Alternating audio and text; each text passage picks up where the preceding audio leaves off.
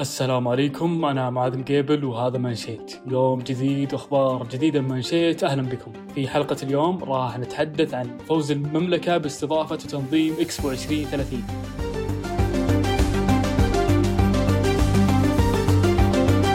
الحدث اللي يوازي فيه أهميته أضعاف أهمية استضافة كأس العالم.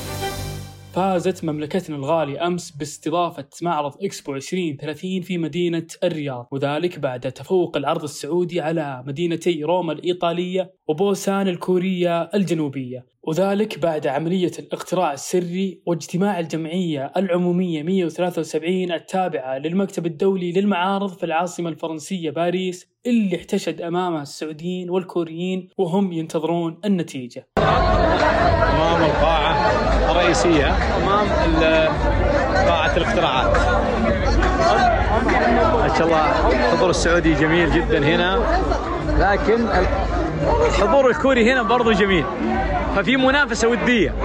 في أناشيد سعودية وعلم سعودي في أناشيد آه كورية. بلطف يعني بطريقة ودية جميلة. دقائق الانتظار كانت صعبة. السعوديين والكوريين كانوا على أعصابهم. أما الإيطاليين كانوا شبه مستسلمين. والحمد لله على توفيقه. فازت المملكة العربية السعودية باستضافة معرض إكسبو. وهذا بفضل الله وتوفيقه ثم بفضل ولي العهد اللي قاد ملف الرياض إكسبو 2030 بنفسه. هذا الملف لحظة بلحظة وأول بأول وقاده آه، شخصيا إلى أن وصلنا إلى هذه النتيجة الرائعة الفوز بثلثي الأصوات في الجولة الأولى. وهذا دلالة مرة أخرى على مكانة المملكة العربية السعودية وثقة المجتمع الدولي في المملكة وفيما آه، يجري في المملكة العربية السعودية في إطار رؤية 2030 وأنا واثق أننا سنقدم ليس فقط إكسبو مميز لكن إكسبو آه، يغير المعادلة فيما يتعلق بالمعرض الدولي وملتزمون بذلك إن شاء الله. في لحظة إعلان فوز الرياض بتنظيم إكسبو غطت الألعاب النارية سماء الرياض وتحديدا مركز الملك عبد الله المالي. وانتشرت الفرحة وغمرت الجميع ويحق لنا نفرح ونفخر بمنجزاتنا المتتالية. 2027 كأس آسيا 2031 إكسبو 2034 كأس العالم. المملكة فعلا تجاوزت المستحيل والمعقول لأن الدول ما تحتضن هذه الفرص في مئة سنة. وحنا في عشر سنوات قدرنا نفوز باستضافتها وكل هذه الأحداث بتحقق كمية فرص اقتصادية وثقافية واجتماعية لا تعد ولا تحصى.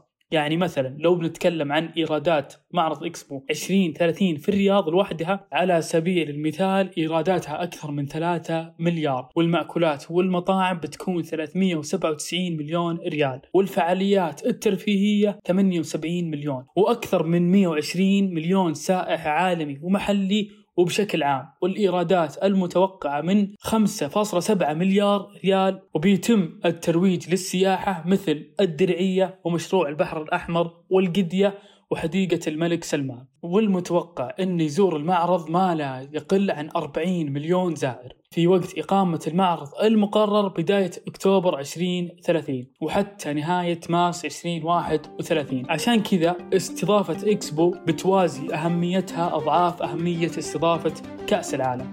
ختاما اختيار المملكة لاستضافة إكسبو 2030 جاء تأكيدا على مكانتها وأهميتها دوليا وتتويجا لرؤية المملكة السعودية. هذا النجاح نجاح وطن عظيم بهمة قيادة لا تعرف المستحيل.